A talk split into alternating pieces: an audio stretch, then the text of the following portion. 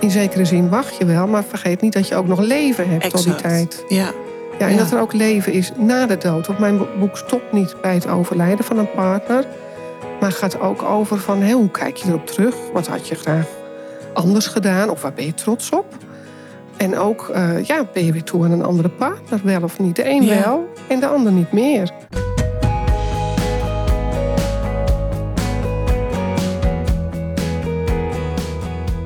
Je partner overlijdt.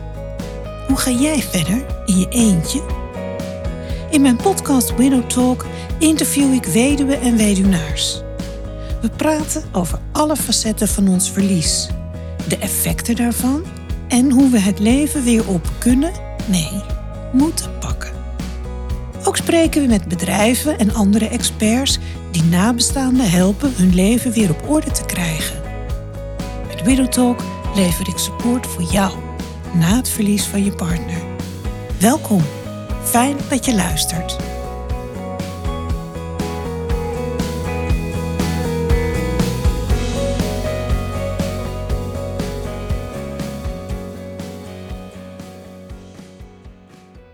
Dag luisteraar, daar zijn we weer.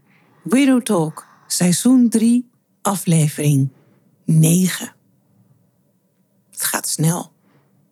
Ik heb vandaag tegenover me een hele boeiende vrouw. Die kwam op mijn pad via via en het klikte eigenlijk meteen. En in een paar dagen besloten we om samen te gaan zitten om deze aflevering van Widow Talk voor jullie te maken.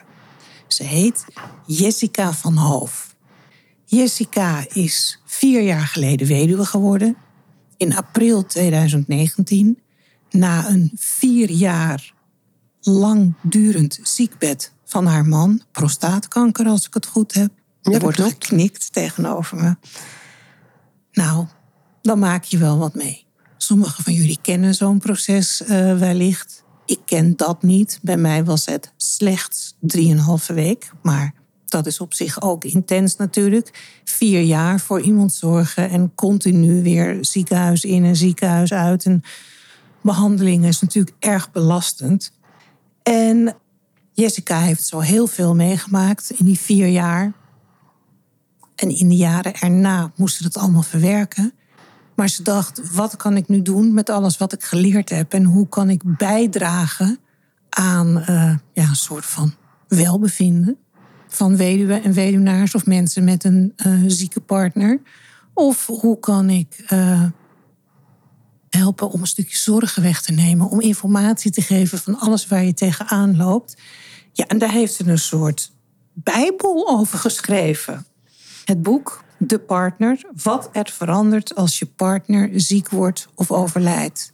En ze heeft daarbij eh, haar eigen verhaal verteld. Wat zorgprofessionals te melden hebben. En ook nog interviews met mensen die ook tegen allerlei zaken aangelopen zijn. En hun verhaal dan delen of hun ervaringen delen. Heel boeiend, heel mooi. Ik heb het boek gekregen. Ja, dat zijn natuurlijk de voordelen als je zelf de podcast opneemt. En we gaan het ook zeker via ons, eh, onze shop aanbieden. En ja, ik ga gewoon lekker in gesprek met Jessica nu. En die gaat iets meer vertellen over hoe en waarom en het wat. Heb ik het goed gezegd zo, Jessica? Ja, dat zeg je wel goed. Alleen, ik heb niet vier jaar lang de hele tijd zitten zorgen. Maar ik had wel zorgen al die tijd. Je had zorgen. Ja, Ja. en uiteindelijk werd het natuurlijk wel een intensief zorgen voor. Maar Ja. het, het neemt gewoon wel je leven over. Want wij wisten vanaf het begin, vanaf de eer- allereerste diagnose, eh, dat het dodelijk was. In één klap was duidelijk, hier eh, ga je aan dood. En dat doet nogal wat met je. Ja, je wist dat genezing onmogelijk was. Je kon Ja. rekken. Ja, inderdaad. Het was zeer ver uitgeza- eh, eh, uitgezaaid. We kwamen erachter dat hij een bobbel in zijn hals had. En we dachten, oh, hij heeft de ziekte van Pfeiffer. Had hij wel eens eerder gehad. Ja, Maar hij ging naar de huisarts en hij kwam helemaal bleek getrokken terug. Want het, de huisarts die dacht er heel anders over. En de volgende dag kreeg hij een, eh, een echo en hij zag uitlopers. En toen wist hij al, dit is foute boel. Dat was op een dinsdag en op de woensdag. Toen kregen we te horen, het is zeer ver uitgezaaide prostaatkanker. En eh, hier ga je aan dood. joh. Nou, Ja. dan... eh, dat, dat, dat, dat komt aan, laat ik het zo ja, zeggen. Ja, ja. Want bij iedere verdere behandeling denk je dan... Ja, hoeveel dagen krijg ik erbij of zo? Of, of Ja. werkt dat niet zo? Ja, je weet niet hoe lang het gaat duren. Toen we zagen in het begin die bobbel, ja, die, die groeide per week. Je zag hem gewoon groter worden. En ik dacht, ja, hè, in je hals, daar zitten ook je slagaders, je Ja. hele vitale onderdelen. Dus ik dacht, die heeft misschien drie, vier maanden. Maar we kregen er steeds een stukje bij. En eh, er waren steeds weer nieuwe behandelingen. En die, elke keer sloegen die even aan. En dan een paar maanden later dan, eh, werden die waarden weer eh, sky high. Dus we wisten van tevoren niet dat het uiteindelijk vier jaar zou worden. En ik vond het heel moeilijk om met die onzekerheid, met, die, met dat drijfzand waar je op leeft, om daarmee om te gaan. Vond ik heel lastig. Ja. En hij vond het juist eh, minder lastig, omdat hij zei van ja, maar als ik het uiteindelijk zeker weet, ik weet het pas zeker van als het niet meer te redden is en dan ga ik dus dood. Dus zolang het onzeker is, is het voor mij goed. ja.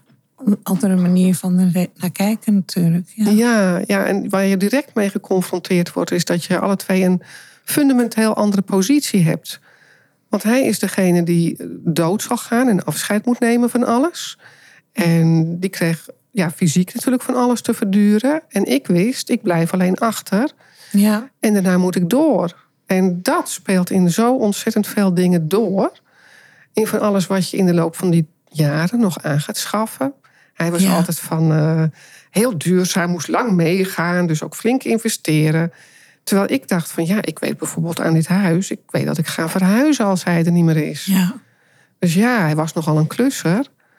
En ga je dan Trespa nemen om het hout te vervangen, of dan toch maar een stuk goedkoper gewoon hout? Ja. En hoe zeg je dat tegen de ja. ander? Ja. Ja. Ja, dat, het komt in heel veel dingen terug. Dat verschil in perspectief. En hij kon het heel moeilijk over zijn einde hebben. En ik, had, ik ben nogal een regeltante. Ja. En ik had het juist nodig om dingen geregeld te hebben. Dat gaf mij rust. Maar daar botsten wij dus enorm. Want ik schoot best wel snel in de regelmodus. En dat was voor hem te snel. En goede communicatie is op zo'n gebied, eh, in zo'n situatie, essentieel. ja. Maar ik vond het heel. Wij konden alle twee redelijk communiceren. Maar ik vond het heel moeilijk om in verbinding te blijven op dit gebied. Ja. En ik, Ja. ja. zoals je al zei, eh, hè, ik heb gedacht, hoe kan ik anderen helpen? Ik heb tijdens die vier jaar vaak gedacht, ja, vaak, met enige regelmaat, heb ik gedacht, hoe doen anderen dit? Omdat ik het echt wel heel zwaar vond. Ja. En toen hij was overleden en ik had op een gegeven moment geen werk meer, toen dacht ik, nou, daar kan ik dus wat mee. En ik heb gelukkig een heel groot netwerk om me heen, uit een grote familie, veel vrienden, veel bekenden. En toen ben ik eens balletjes op gaan gooien, links en rechts, van nou, denk erover om daar een boek over te gaan schrijven. Nou, echt van alle kanten kreeg ik te horen, oh, wil je mij dan ook interviewen? Oh, wat mooi. Ja. Ja, dat was heel mooi. En ook eh, vrij veel zorgprofessionals uit mijn eigen netwerk. Ik had bedacht van, hè, mijn eigen verhaal is ook alleen maar mijn eigen verhaal. Ik wil het breder trekken. En ik dacht, met, toen ik met twintig geïnterviewden zat, dacht ik, oh, het gaat wel heel goed. En eh, nou, nu ben ik vast wel bijna klaar. Het zijn er onderhand zo'n 65 geworden. Zo. Ja. Het hadden er ook honderd kunnen zijn, denk ik. Ja, Ja. Nou ja, op een gegeven moment realiseerde ik mij dat iedereen zijn eigen verhaal heeft. Ja. En die kun je niet allemaal vangen in een boek. Maar ik denk dat ik tot een vrij grote waaier, gevarieerde waaier ben gekomen aan verhalen. Zowel van de professional kant als van de lotgenotenkant.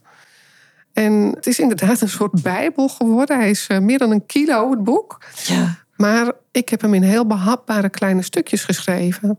Toen ik zelf in die situatie zat, had ik de aandachtspannen van, van een goudvis. Ja. Ja. Ja. Je kunt dan herkenbaar. Ja, dat, dat, dat trek je niet, een heel Nee. boek lezen. Dus ik dacht, ik deel het zo in met allemaal verschillende hoofdstukken. Dat de lezer eh, die hoofdstukken eruit kan pakken die hem aanspreken.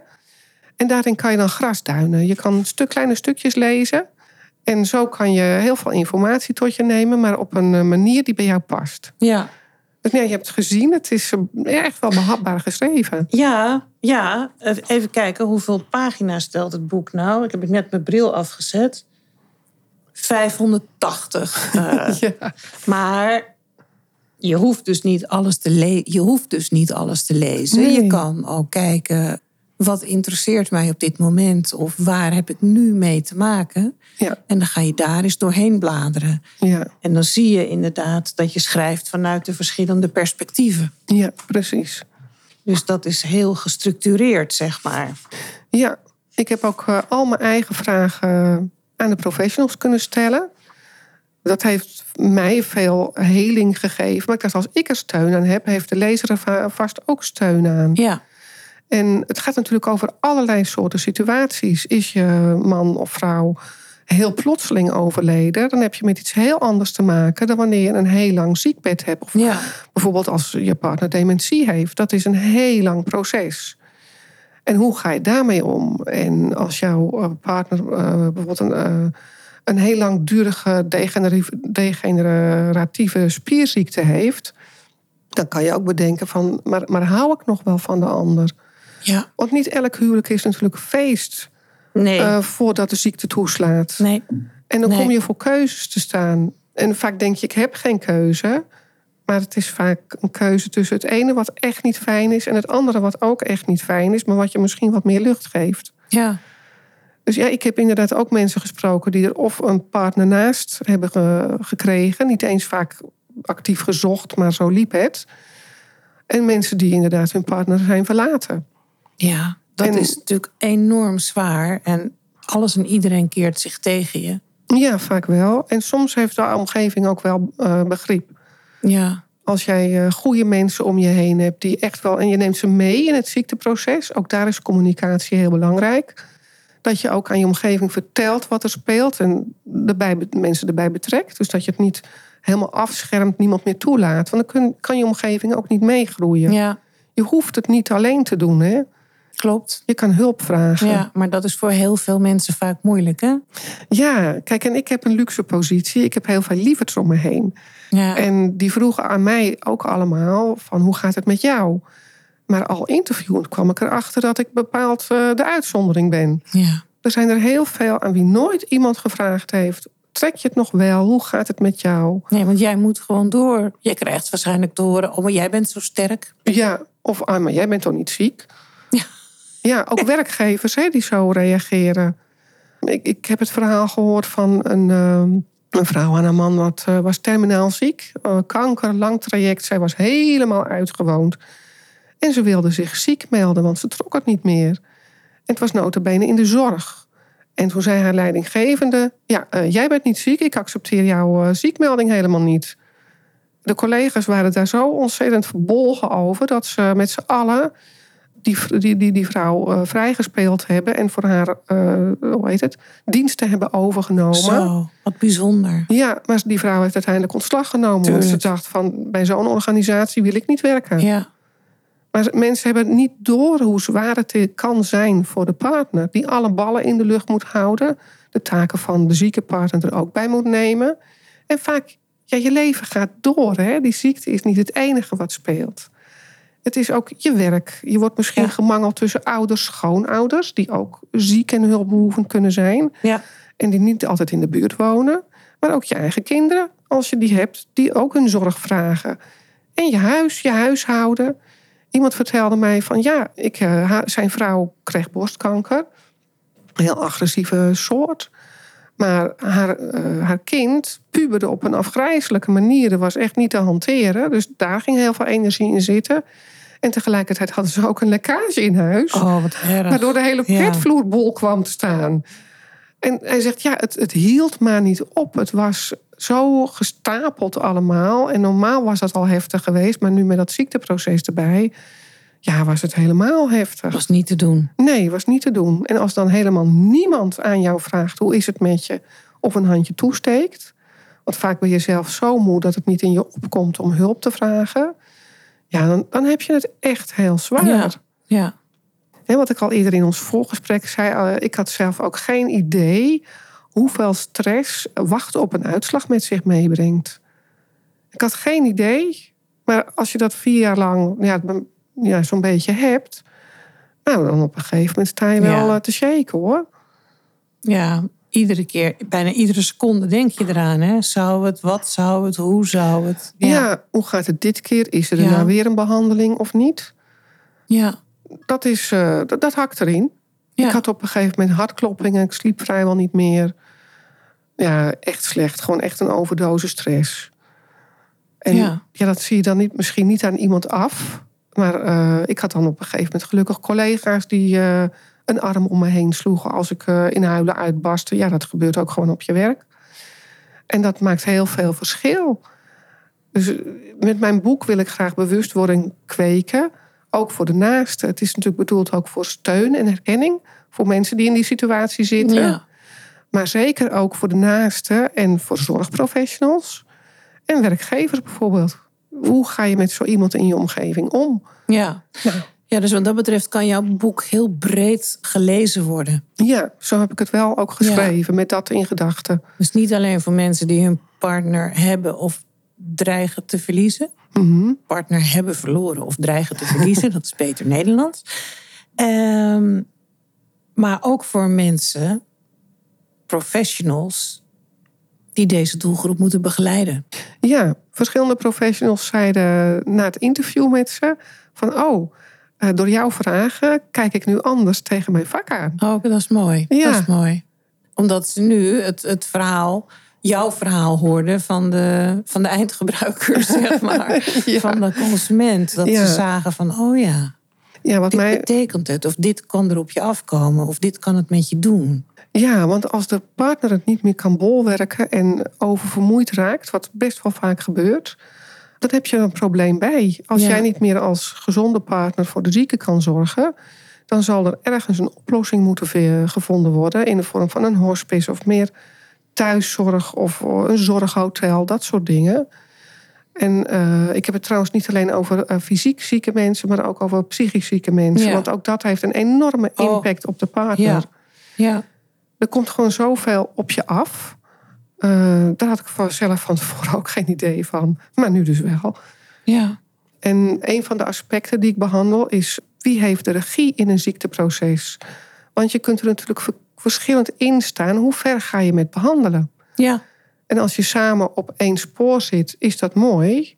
Maar dat hoeft natuurlijk helemaal niet. Nee. Als de een eh, wil doorbehandelen ten koste van alles, hè, dat het maar zo lang mogelijk duurt, en de ander wil dat niet, hoe ga je daarmee om?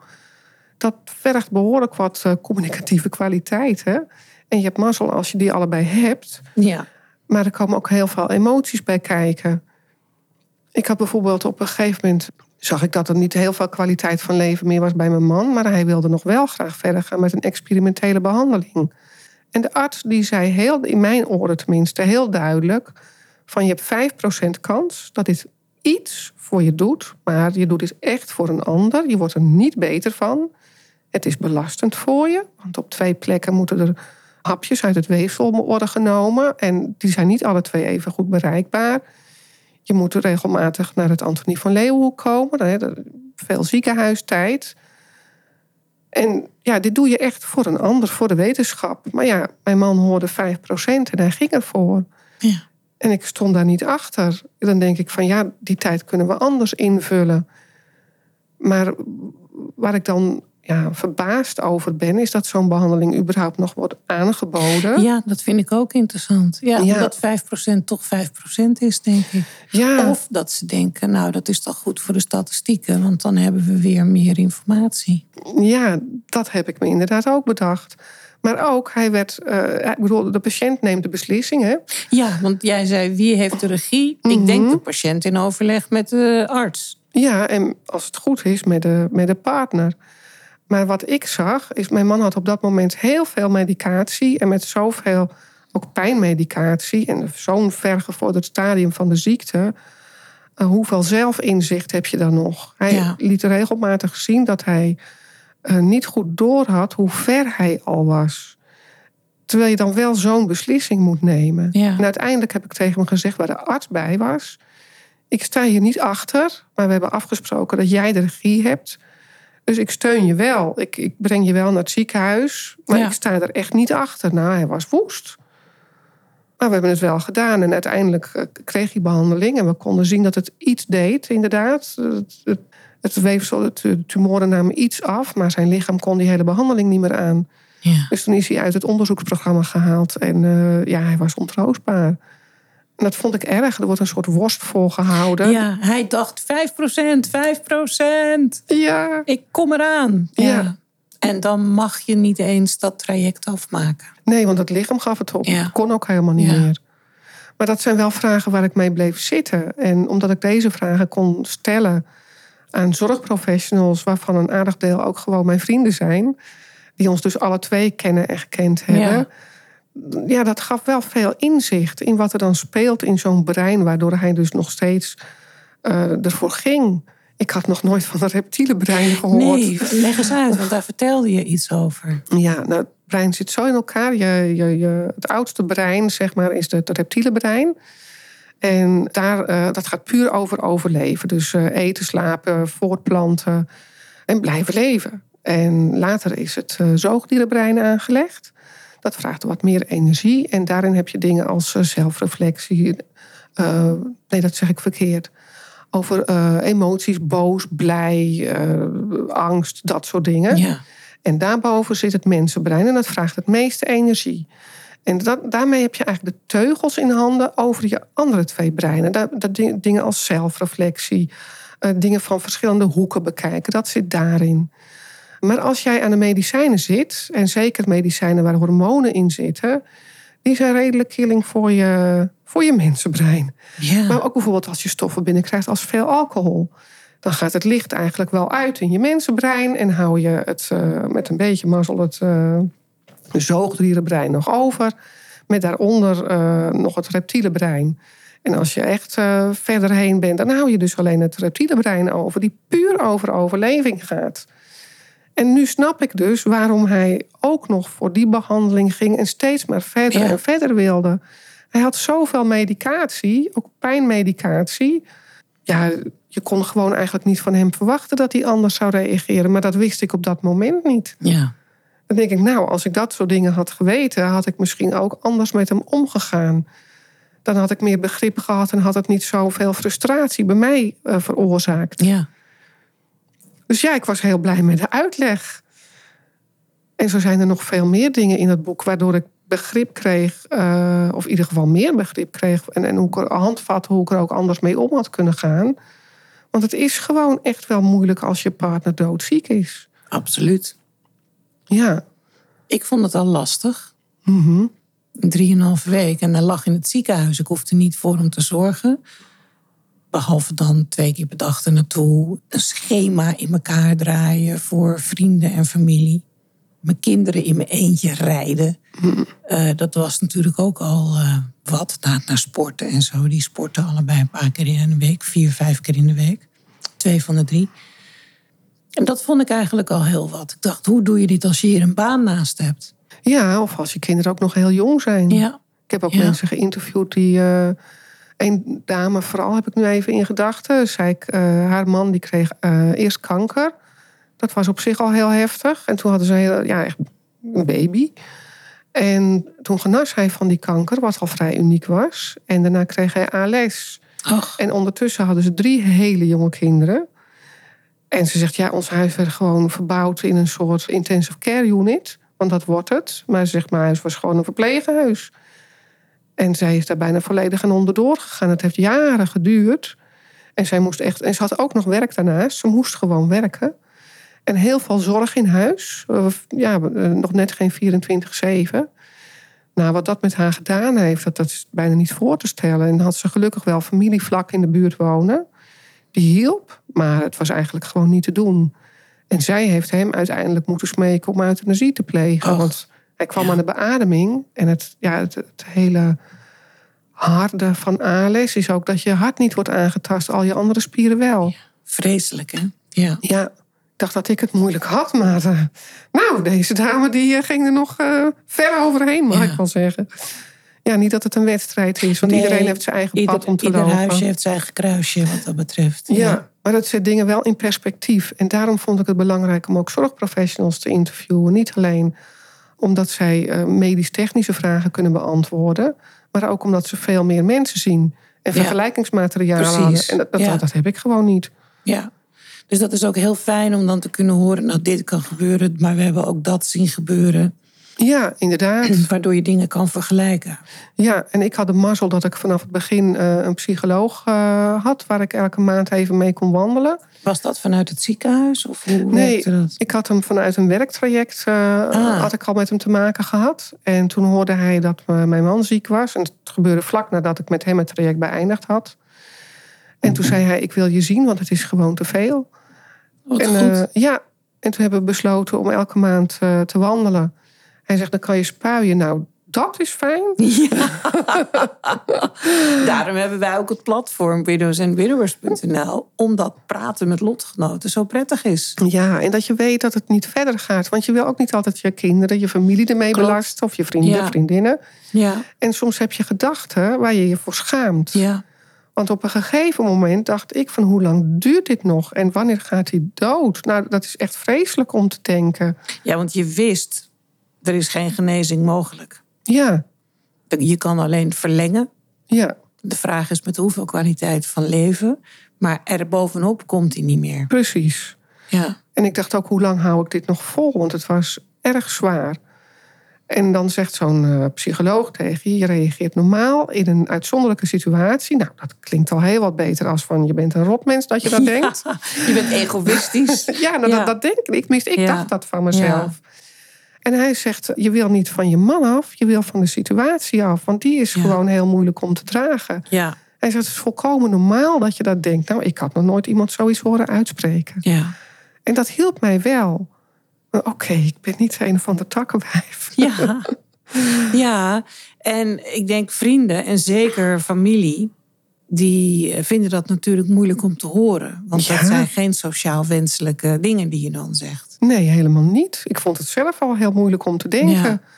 Maar het is wel gebleken in de loop van de interviews die ik gedaan heb... dat ik niet de enige ben die dit soort gedachten had. Nee, deze, deze trajecten, projecten Ja, zijn trajecten, moet ik zeggen. Die zijn slopend ja. Zeker, voor de als je, mensen die achter gaan blijven. zeker als je partner behoorlijk verandert.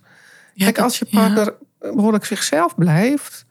Dan, dan heb je tenminste je partner nog. Ja, Maar als je partner eh, niet fysiek of, en of lichaam, eh, fysiek en of geestelijk helemaal verandert. Zoals bijvoorbeeld bij hersenbloedingen kan gebeuren. Niet aangeboren hersenletsel, maar ook bij dementie. En er zijn vast nog veel meer ziektes die dat hebben. Hersentumoren. Dan, dan krijg je een hele andere partner. Dan krijg je persoonlijkheidsveranderingen. ja, behoorlijk. En dat is heel moeilijk om mee om te gaan. En Ja. soms kunnen ze echt het bloed onder je nagels vandaan halen. Nou, dan is het ook niet meer de partner waar je verliefd op geworden bent en mee getrouwd bent of mee samen bent. Nee, inderdaad. En dan komt wel, zeker als zo'n ziekte niet dodelijk is, kan toch wel de vraag naar boven komen van hoe lang wil ik dit nog doen met bij elkaar blijven. Ja. Als er ergens een taboe op zit, dan is het op je ziekte, zieke partner verlaten. Dat is Ja. toch niet voor niks. Ja. En soms komt het dus voor dat mensen de keuze maken om die partner te verlaten. Maar dat is nooit makkelijk. Nee. Nou, gelukkig is mijn boek niet alleen maar over Nee, kommer en kwel. Niet alleen. Nee, nee. Het heeft natuurlijk wel met de dood en eh, ongeneeslijk ziek te maken. Ja, en soms niet eens ongeneeslijk ziek. Kijk, als jij een, eh, een partner hebt die eh um, manisch depressief is ja. of chronisch ziek, dan, dan ga je niet doodgaan. Of diabetes is heel erg langdurig, kan het zijn. Dan gaat je partner daar niet altijd aan dood, maar je hebt er wel mee te maken. En het legt enorm beslag op jou als partner. Ja. Jouw leven staat ook on hold. ja, inderdaad. Dat is exact Ja. goed wat je zegt. Je leven staat onhold. Je moet je eigen wensen en, en mogelijkheden vaak aan de kant schuiven. Of in ieder geval voor een deel om voor jouw zieke partner te kunnen zorgen. Ja. Ja. Maar gelukkig eh, kwam, kwam ik ook een rode draad tegen. En dat is de liefde. Ah, vertel.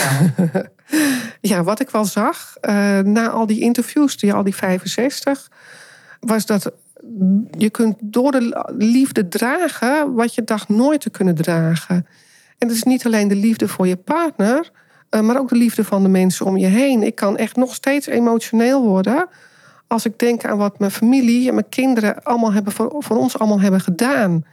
En ook vrienden. Het is niet alleen het, uh, het, het, beroemde rijtje van mensen die met pannetjes eten aankomen. En dat is heel erg fijn als ze dat doen. Ja, daar weet ik alles van. Ja, maar ook bijvoorbeeld André die vroeg voor zijn uh, verjaardag op een gegeven moment geen cadeautjes meer, maar ervaringen. En met wat voor lieve dingen mensen aankwamen. De ene ging met een picknicken en een rondje lopen, voor zover dat nog ging. De andere had een hele mooie oude auto en dan gingen ze samen een mooie rondje rijden. En uh, de ander bood hem aan om achter op de motor te gaan, wat hij hartstikke gaaf vond. En zo bedacht iedereen wat. En ook onze eigen kinderen. Die hebben ze heel mooi aangepakt door één op één tijd met hem uh, te reserveren. De een is een eh, barista-workshop met hem gaan doen. De ander naar een chocoladebeurs. André was altijd heel gek op chocola. Ja. En uh, stedentripjes. En zo bedacht iedereen wat. En dan denk ik, dat is toch wel pure liefde. Ja, dat is heel mooi. Ja, en daar kom je eigenlijk niet achter als je geen noodsituatie hebt. Tenminste, niet op deze manier. Ik vind het ook wel een hele mooie invulling. Geen cadeaus, maar herinneringen. Ja, en niet zozeer ja, belevenissen. ja, en die zijn voor beide partijen natuurlijk fijn.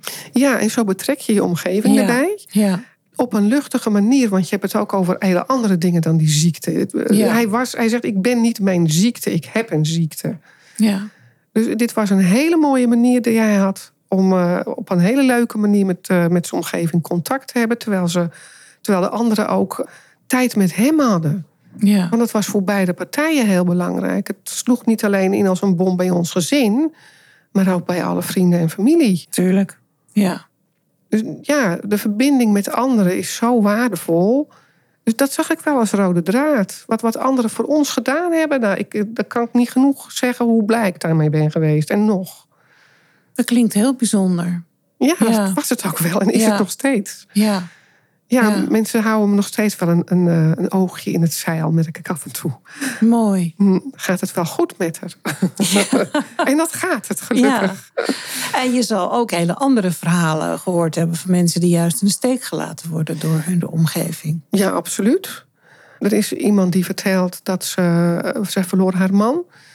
En eh, de, eigen, de familie, de haar schoonfamilie, die wilde al heel snel niet meer dat ze erover praten. Die zeiden van jij met je dode man. En dat was dus hun eigen broer. Bizar. En dan denk ik, hoe dan? Dat was niet eens bij me opgekomen. Mijn schoonfamilie is altijd even lief. En ja, ik kan niet zeggen, anders zeggen dan dat, ze, uh, ja, dat de band juist hechter is geworden. Ook dat is niet uh, gewoon. Nee, nee. Er zijn, niet ik heb, standaard, laat ik het zo nee. zeggen. Ik heb ook gehoord van iemand die was uh, na het overlijden van zijn vrouw niet meer welkom bij zijn schoonfamilie. Hij kwam op verjaarsvisite, ik denk een maand later of zo. En die vroegen, wat doe jij hier? Nou ja, ik kom op verjaarsvisite. Ja, maar uh, ze is dood en uh, dit houdt ook op. Bizar. Nou, mijn mond viel nogal ver open toen. Ja. Nou ja, ik, ik vertelde jou daar straks voor we aan dit interview begonnen... dat ik dat bij de familie van mijn man ook meemaak. He, dat er nu een nicht uit het buitenland overkomt. En dat mijn kinderen expliciet zijn uitgenodigd. En ik expliciet niet. Ja, dat, dat, dat doet gewoon pijn. Ja, dan is het toch van wat bloed is mag komen en wat geen bloed is, wat aangetrouwd is, dat uh, ja, is toch maar een, uh, een aanhangsel. Ja, ook al ben je tig jaar met elkaar ja, geweest. Ik heb ook 25 jaar ben ik bij die familie over ja. vloer gekomen. Dat, dat doet enorm veel pijn, maar ja, je kan het ook niet. Ik ga er ook geen eens meer een discussie over aan, heb ik besloten. Want uh, wat win je daarmee? Helemaal niks. Nee, negatieve energie. Nee. Maar ik heb ook gelukkig de hele mooie voorbeelden zelf ervaren, maar ook gehoord. Dat de hele familie echt om zo'n stel heen gaat staan en er alles voor doet. Ja, en, een, en prachtig samen naar het einde toe kan, uh, kan leven. Want het is ja, leven naar het einde, dat is heel belangrijk. Ja. Dat je niet gaat zitten wachten van oeh, diegene gaat dood. Kijk, je, in zekere zin wacht je wel, maar vergeet niet dat je ook nog leven hebt exact. tot die tijd. Ja. Ja, en ja. dat er ook leven is na de dood. Want mijn boek stopt niet bij het overlijden van een partner. Maar gaat ook over van hé, hoe kijk je erop terug? Wat had je graag anders gedaan? Of waar ben je trots op? En ook, uh, ja, ben je weer toe aan een andere partner? Wel of niet? De een ja. wel en de ander niet meer. Ja, en de een wat sneller en de ander wat uh, langzamer. Hè? Ja, ja. Ja, ik ben ook een aantal jaren uh, relatiebemiddelaar geweest. Dus dan ging ik op Ah, zoek naar een... Dat is een mooie combinatie. Ja, Ja. zeker. Ja. Dus daar kende ik al veel verhalen van. Die ik overigens niet in het boek heb verwerkt. Dat vond ik niet, eh, niet Nee, zuiver. ja, ja. Eh, maar ik had al wel het een en ander gehoord. En ook wat je dan eh, mee kan maken als je weer gaat daten. Ja, ik ben zelf ook eh, weer gaan daten. ja. En begin dit jaar heb ik een leuke man ontmoet. Kijk. En dat je dan weer verliefd kan worden. Ik ben 59 en dat je dan weer... Ja, al- wij, wij noemen elkaar een, een puber met ervaring. Oh, dat is zo grappig. Want ik ben, ik ben ook 59 en ik ben sinds kort ook weer verliefd. En dat was precies wat ik wilde. Die puberale gevoelens weer hebben. Want dat heb je. Ja, smoorverliefd. vlinders in je buik. En gaat hij bellen? Gaat hij appen? Wat gebeurt er? Ja. Dat is heerlijk. Ja, Ja, en dat je dat nog een keer mag meemaken. Nou, dat is heel bijzonder. En dat je gewoon Ja. weer gelukkig kan worden. Nou, een hele periode die eh, behoorlijk eh, somber en, en heel moeilijk was. ja. Er is, eh, er is leven na de dood. Ja, dat zeggen wij bij eh, Widows and Widowers ook altijd. En dat betekent niet dat je je andere partner vergeet, je overleden partner. Nee, zeker niet. Maar het kan naast elkaar bestaan. En dat heeft natuurlijk tijd nodig. Dat heeft zeker tijd nodig. En dat is bij iedereen anders. Ja, Als je van tevoren, zoals ik, al een heel lang rouwproces hebt. Als iemand er nog is, want dan begint de rouw vaak al. ja, Zeker als je niet eh, je kop in het zand steekt. Dan, dan ben je er misschien eerder aan toe. Maar ik heb ook bij cliënten gezien dat ze drie maanden na de dood van hun partner toch echt alweer iemand anders wilden. ja. En dan ga je natuurlijk wel vragen van, joh, hè, is dit eh, eh, omdat je niet alleen kan zijn? Maar soms was het antwoord echt van, eh, ja, maar eh, ik heb er zo vrede mee. En eh, ze is, hij of zij zal nooit uit mijn hart zijn, maar ik ben wel toe aan iemand anders. En je bent de enige die dat kan beslissen. Dat je hoeft geen zo. verantwoording af te leggen aan Ja. een ander. ja. Bedoeling is wel dat je er discreet mee omgaat en rekening houdt met anderen. Maar je bepaalt zelf wanneer je er weer aan toe bent. Ja. Ja, ik weet dat een oom van mij, zijn vrouw was overleden aan kanker. En dat was ook een langer ziekbed. Maar die had heel snel al een andere vriendin.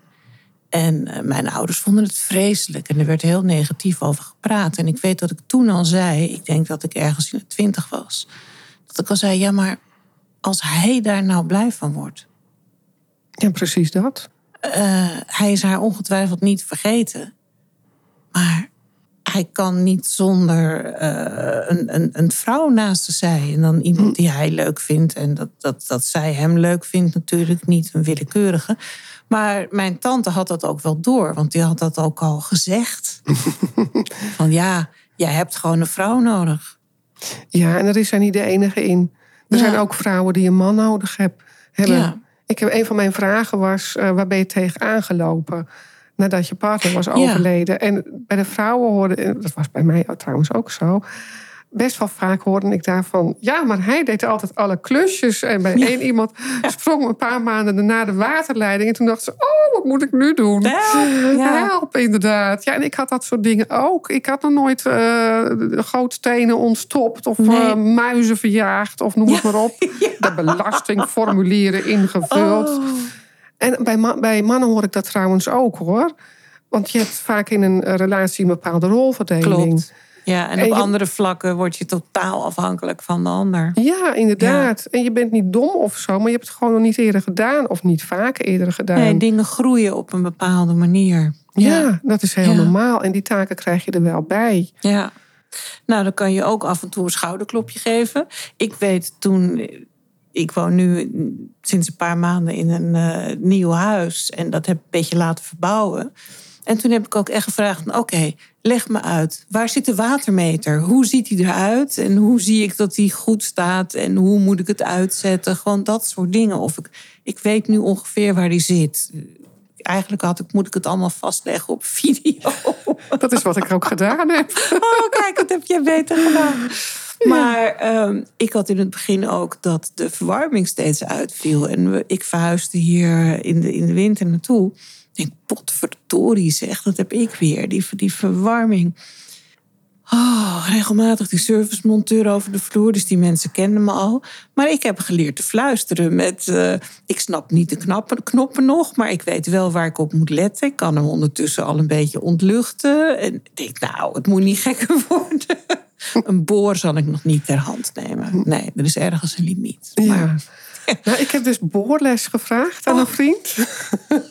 het is nog steeds niet mijn hobby, maar ik kan het Ja, wel. oh, goed. En bandenplakles aan een andere vriend. En weer iemand anders. Hij heeft me geleerd de verwarming te ontluchten. ja. Ja, Ja. want ik, eh, ik hoorde ooit eens van een vriend en eh, die is heel handig. En die komt uit een hele grote familie waar al een aantal weduwen zijn. En eh, hij zegt, ja, en dan komt er weer eentje. En dan denk je altijd van, oh, wat moet ze nu weer? Wat moet ik nu Ja. weer bij haar gaan doen? Ja. Hij wil het gerust doen, maar het werd een beetje veel met al die schoonzussen die hij had. En toen dacht ik, oh, ik wil nooit dat mensen bij zullen denken als ik er aankom van, oh, wat, wat, Wat moet ik nu ze? weer? ja. Ja. ja. Dus vandaar dat ik het een beetje verdeel. En eh, ik had een, eh, lieve buurman, die heeft me laten zien precies die watermeter. En ook hoe ik eh, het water aan de achterkant kan afsluiten. Dus ik heb een videootje van gemaakt. Want dat doe je Ja. één keer per jaar. En dan weet je het niet meer. Nee, inderdaad. En ja. doe ik gewoon dat, kijk ik dat videootje terug. Dan kan ik het weer. ja, heel slim. Dat heb je goed gedaan. Nou, ik weet, Philip deed alles. Philip was mijn man. Die deed alles met. Nou, die deed sowieso heel veel in huis. Maar alles met eh, techniek en computers. En techniek en computers hebben de neiging om te stoppen met werken als ze mij ervaren. Blijkbaar straal ik iets uit dat ze denken, oeh, dangerous. Maar ehm, dus regelmatig was het Philip! Nou, en dan was er weer iets niet in orde. En ik kan daar ook wel erg ongeduldig van eh, worden. Oh, wat herkenbaar. Maar ja, en dat is ook eigenlijk iets, zeker met computers, wat ik, wat ik weiger. Ik krijg daar zelf ook uitslag van. Dus computers en ik zijn eigenlijk niet zo'n goede match. Maar ja, ik heb hem toch nodig. En een van mijn zonen heeft ook een beetje dat gen van zijn vader. Dus die vraag ik ook regelmatig of die wil helpen. En die kan dan zo boos op me worden. Jij moet zelfstandig worden, zegt hij dan tegen me. Jij moet dit leren. Ik ben er niet de rest van mijn leven om jou te helpen. Ik zeg, nou, waarom niet? Ik ben je moeder. Ik heb je niet voor niks op de wereld gezet. Jij hebt hem schoen, schoenveters leren vastmaken. hè? Ik- ja, dus, maar dan zegt je zoon tegen je, je moet zelfstandig worden. Terwijl ondertussen zei ik, man, ik, ik heb een steile leercurve ondergaan. Daar krijg ik gewoon... eh, De hoogtevrees ho- van. Inderdaad, hoogtevrees van. Dus wie, ik was woest eigenlijk. Wie ben jij om dat te zeggen? Maar er zijn altijd dingen die gaan gewoon niet lukken. Die, die, die, die passen niet bij je. Die liggen je niet. Nou, dat heb je te accepteren. En dat is voor mij dit. Maar het is al heel goed Maar- dat je hulp inroept. Veel Ja. mensen kunnen geen hulp vragen. Vind ik ook lastig hoor. Terwijl je dan mensen wel toelaat in je leven. Ja. Iemand maakte dat mij heel goed duidelijk. Toen barstte ik een keer in tranen uit op mijn werk. En ik zat daar net, het was een uitzendbaan en ik schaamde me helemaal te pletten. Dus ik zei sorry, sorry. En er kwam een collega, die deed haar arm om me heen. En ze zegt, ik ben blij dat ik in ieder geval dit kan doen. Dat ik je iets voor je kan doen. Al is er maar een arm om je schouders. En dat realiseer je vaak niet. Dat je omgeving je echt wel graag wil helpen. Want ze zien vaak echt wel dat jij het moeilijk hebt. En Ja. als jij dat altijd maar afhoudt dat is voor de ander ook niet leuk. Dus je doet de ander vaak een plezier door hulp te accepteren. Ja, dat Wel is binnen mooi. bepaalde grenzen natuurlijk. Tuurlijk. Ja. Ja, ja, want het houdt ook een keer Op. op. Je hebt ook mensen die de regie overnemen. Dat moet je natuurlijk niet hebben. Nee, en wat ik zelf ook wel merk, mensen willen helpen, maar het is vaak meer dan ze denken. Zeker als het met financiële situaties te maken heeft of afwikkeling van testament, wat dan support is, los van de notaris. Dan merk je dat mensen op een gegeven moment denken: ja, ik wou wel helpen, maar ik wist niet dat het zoveel zou eh, omvatten. Dus dan zie je ze langzaam ook weer Weg, weg hebben. hebben. Dus wat dat betreft heb ik ook het idee dat het op sommige vlakken gewoon heel fijn is om wel een professional in te huren. Omdat je dan ook heel duidelijk weet, dit, dit betaal ik, maar dat krijg ik ook. Dan is het ook op niveau, zeg maar. Niet iemand die zegt van ja, ik kijk wel even mee, ik heb er wel een beetje verstand van. Want dan is maar de vraag, krijg je echt het advies waar je wat aan hebt. Ja, zo heb ik inderdaad een belastingadviseur ingeschakeld. Gewoon betaald. Ik, eh, Ja. ik sla helemaal dicht van die blauwe enveloppen. Oh, ik heb er daar ook een paar liggen. Oh, daar. Ik heb ze nu naar de andere kant geschoven. Ik ga ze vanavond openmaken. Wat nou weer? Ja, Ja. ik denk, dit gaat net precies wat jij net zei. Er zijn dingen waar ik gewoon nooit goed in zal worden. En de belasting is er één van. Dus daar heb ik inderdaad hulp, betaalde hulp bij. Ja. En ik heb gelukkig twee dochters eh, die behoorlijk handig zijn en eh, goed met cijfers zijn. Dus als ik dan toch iets eh, ergens over onzeker ben, dan vraag ik wel hulp bij ze. En, ik heb ook een dochter die is heel analytisch. Nou, als ik iets uit moet zoeken, iets, iets technisch, dan is het: eh, kun je me helpen alsjeblieft? En dat doet ze met liefde. Dus ja, vraag Ja. hulp. Nou, maar ik vind die belastingbrieven ook zo onbegrijpelijk. Ja. We zijn nog steeds bezig met de afhandeling van de erfbelasting van Philip. Als het goed is, is nu de laatste brief uit. Maar de man die ons helpt met, is ook een vriend, maar die doet het ook voor zijn werk, zeg maar. Die stuurde een brief van de Belastingdienst door en die zei: Ja, daar moet ik even op reageren. En ik heb hem drie keer gelezen, die brief. Ik snap er geen hout van. Wat zeggen ze nou? Waarom moet het op zo'n moeilijke toon? Ja, En ik ben echt niet dom. Hè? Ik heb eh, gymnasium gedaan, ik heb gestudeerd. Eh, ik heb niet het hoogste IQ van de wereld, dat wil ik absoluut niet zeggen. Maar ik ben best een snelle denker. Ik kan daar geen touw aan vastknopen. het is gewoon hele slechte taal. Ja. Als je dan zo'n brief krijgt met terug te vangen of te betalen, dan denk ik, ja, Ja, is wat nou, dan? Wat, Zeg wat het is. Dus dan wacht ik maar van, oh, krijg ik wat op mijn rekening gestort of krijg ik een aanmaning? heb ik precies hetzelfde. En ik heb nu twee bedrijven die dan geen BV staan, maar die staan dan onder mijn privénaam. Maar dan krijg ik brieven en er staat niet bij waar het om gaat. Denk Oh ja. ik, gaat het nou om mij? Gaat het nou om Voices by Me? Gaat het nou om daarom? Nou, ik weet het gewoon niet. Nee. Terwijl ik wel goede ervaringen heb met de nabestaande desk van de belasting. Die heb ik heel wat keren aan de lijn gehad, omdat mijn man ook een klein BV'tje had, gewoon een eenmans BV. En dat moest afgewikkeld worden. Nou, dat was me daar een partij ingewikkeld. En dan, eh, gelukkig hielp een nichtje en eh, die komt uit de accountancy. Dus nou, daar was ik heel blij mee. Heeft twee jaar geduurd. Maar op de, bij de nabestaande desk waren ze mega vriendelijk en eh, heel duidelijk. Oh, En, wat goed. ja, en dan moesten ze me wel eens doorverbinden naar een andere afdeling. Nou, daar was het meteen echt weer bingo. Dat ik dacht van, jullie kunnen het dus wel als bedrijf. Waarom alleen bij de nabestaande desk? Waarom kan de rest van het bedrijf niet net zo klantvriendelijk zijn? Ja. Dat vind ik echt bizar. Ik ben Ja. heel blij dat ze het hebben. Veel bedrijven hebben de nabestaande helpdesk. In mijn, ja, ik ben altijd heel goed geholpen bij al die desks. Maar zodra je wordt doorgeschakeld naar de rest van het bedrijf... En dan zit je weer knurren. ja, Ja. kluisje eh, in het riet, kastje, muur, dat soort dingen. Vreselijk. Ja, ik heb het bij de bank gehad. Want je rekening wordt op een gegeven moment eh, bevroren. Wij hadden geen en-of rekening. Oh ja. Dus zijn rekening werd bevroren, maar ik kon nergens bij. Ja. En ik moest ook nog de uitvaart betalen. En het was een overda overdadige uitvaart. Dus ik had al gezegd, ja, ik weet niet hoe dat, eh, of dat gaat lukken op tijd en hoe dat gaat werken. En die rekening is een maand bevroren geweest. Dat is En ik had in eerste instantie een sympathieke mail gekregen. Dus toen het wat langer duurde, ben ik terug gaan mailen. Ja, nee, maar u moet wachten. En eh, ja, dat zo is de procedure. Ik dacht, ja, maar dat kan toch niet zo lang duren? Dat, dat, dat, dat, dat, dat kan toch niemand trekken? En toen na een maand was ik het zo zat... na wat communicatie heen en weer met die eh, meneer... En eh, met de empathie van, eh, nou ja, Nul? een stalen deur of zo. Ja, echt nul.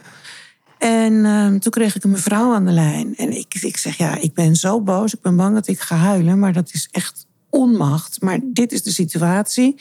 En die klootviool, die eh, reageert alleen maar met de ene onhebbelijke mail naar de andere. Of überhaupt niet. Dit kan gewoon niet. Ik kan zometeen niet eens meer boodschappen doen. Moet ik geld gaan lenen? Waar gaat dit over? Toen was het binnen twee minuten geregeld. Dat is toch bizar? Dat was een mevrouw. Hm. Nou zeg ik niet dat vrouwen er altijd beter in zijn. Maar Empathie, inderdaad. empathie. En dan denk ik van, waarom dan? Dit toont ook aan hè, wat jij nu eh, vertelt. Is heel belangrijk. Want het toont aan dat ook al is je, als je met een partner samenleeft, dat het heel belangrijk is om te weten wat de situatie is als de ander uh, ernstig ziek wordt of overlijdt.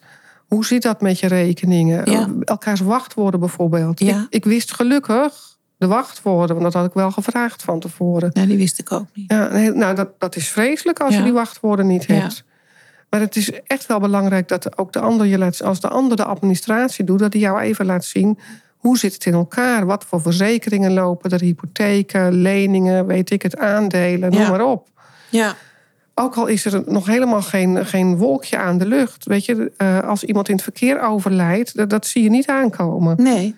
Of een hersenbloeding, noem maar op. Ik wil niet negatief zijn, maar het is goed dat je van elkaar weet wat dingen als wachtwoorden zijn. Het heeft mij Ja. veel tijd bespaard. Ja, dat kan ik me voorstellen. En dat neemt veel stress weg. Ja. Nou, zo heb ik me ook laten vertellen dat het wat dat betreft belangrijk is om een levenstestament te hebben. Hè? Waarbij je dus ook eh, kan zeggen wie voor jou beslissingen kan nemen als je zelf niet meer beslissingsbevoegd bent. Ja. Want dat is niet, dat ben jij als partner niet automatisch als dat niet vastgelegd is. Nee, dat klopt. Ik heb eh, heel mooi, eh, dat heb ik dat online gedaan. Daar kan je ook een video bij opnemen, waarbij je eh, zelf kunt uitspreken wat je nog wel en niet wil eh, dat er gedaan wordt bij medische situaties. Ja, mooi. Ehm, en dat, kan je, dat heb ik aan mijn kinderen gestuurd. En dat, dat- die kunnen dat gewoon online ook opvragen, mocht de situatie zich voordoen. En dat kan ook bij de huisarts. Daarin regel je eigenlijk van alles op medisch, maar ook op materieel gebied. En dat kan je ook online op elk moment aanpassen. Dus in- Ja. in mijn boek staan ook dit soort tips en links en, en boeken om te lezen. Want ik had er nog nooit van gehoord. Maar via LinkedIn kwam ik met zo iemand eh, in gesprek. En ik mocht dus op proef eh, gratis gewoon. Hij zegt, ga maar eens kijken Hoe je wat dat je daar- ervaart. Ja. ja. nou ik vond het zo gebruiksvriendelijk. Ja, mooi. Ik dacht, en het kostte niet veel. Ik zeg, nou, dit wil ik gewoon betaald doen. Want Ja. dit vind ik heel toegankelijk. Ja, en dat het, weet je, stel je voor dat mij iets gebeurt. Ik kom in een ziekenhuis en mijn kinderen moeten iets beslissen. Ja, als je dan een levenstestament in papier hebt... en dat moet eerst nog bij een notaris vandaan, ko- vandaan komen... of het ligt in een la waar niemand het meer kan vinden... Dan, dan kan het te laat zijn. Maar dit kun je gewoon ter plekke met je telefoon tevoorschijn toveren. En dan, oh, zo had ze het gewild.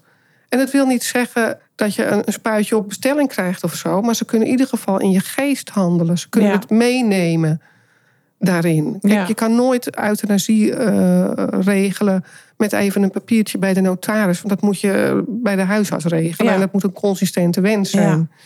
Nou, en al dat soort dingen heb ik ook in mijn boek gezet. Dat zijn gewoon hele praktische dingen...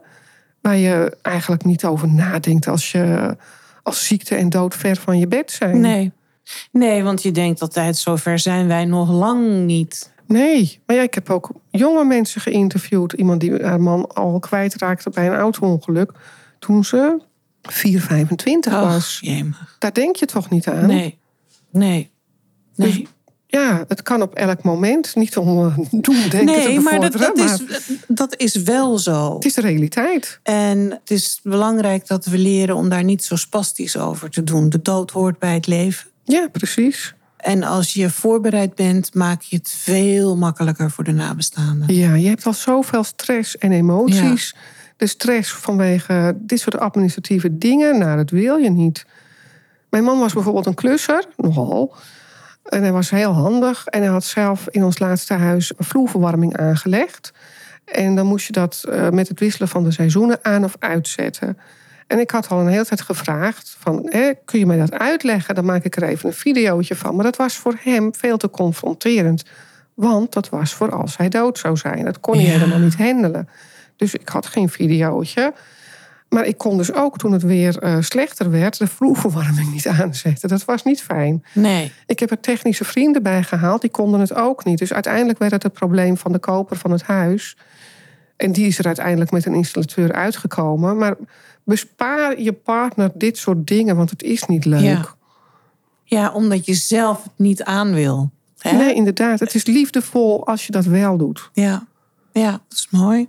We zitten alweer eh bijna 55 minuten te praten. Zo, dat gaat hard. Ja, dat gaat hard, hè? Met twee van die kwebbeltantes bij elkaar. Het is heel interessant, maar dit wordt voor de luisteraar wel genoeg voor één aflevering.